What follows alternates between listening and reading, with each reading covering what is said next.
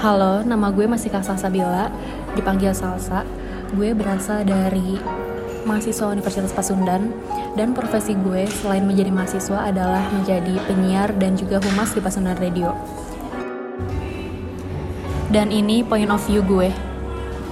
Tiga fun fact sebagai anak Unpas. Yang pertama, aku tuh suka struggle banget tiap mau nyebrang nih karena letak kampusnya di pinggir jalan, banyak kendaraan yang lalu lalang jadi bikin macet.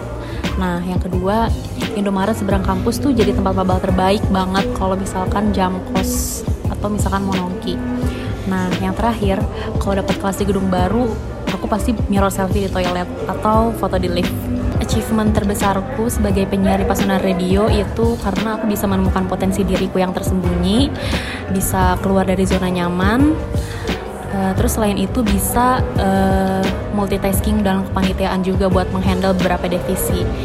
Turning back pointku pas memutuskan untuk menjadi penyiar uh, itu ceritanya lagi dengar radio tuh di mobil. Nah terus dengar penyiar lagi ngomong, kok enak banget ya didengar, terus asik banget. Nah nggak tahu kenapa random aja sejak saat itu uh, dari diri aku yang awalnya pendiam, terus nggak jago ngomong, itu mutusin buat ikut les broadcasting, terus bisa mengasah skill berbicara aku hambatanku selama kuliah itu aku pernah memasuki circle pertemanan yang menurutku toksik dan itu bisa bikin aku nggak fokus kuliah dan juga melakukan hal-hal yang aku inginkan. Goals terdekat dan terjauhku itu kalau goals terdekat pengen lulus tepat waktu.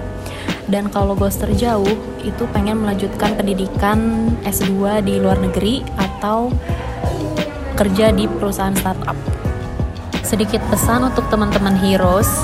Menjadi mahasiswa aktif itu nggak ada salahnya kok. Nggak semua usaha kita dinilai dari uang. Tapi jika aktif yang membawa manfaat itu adalah sebuah nilai baik buat diri kita.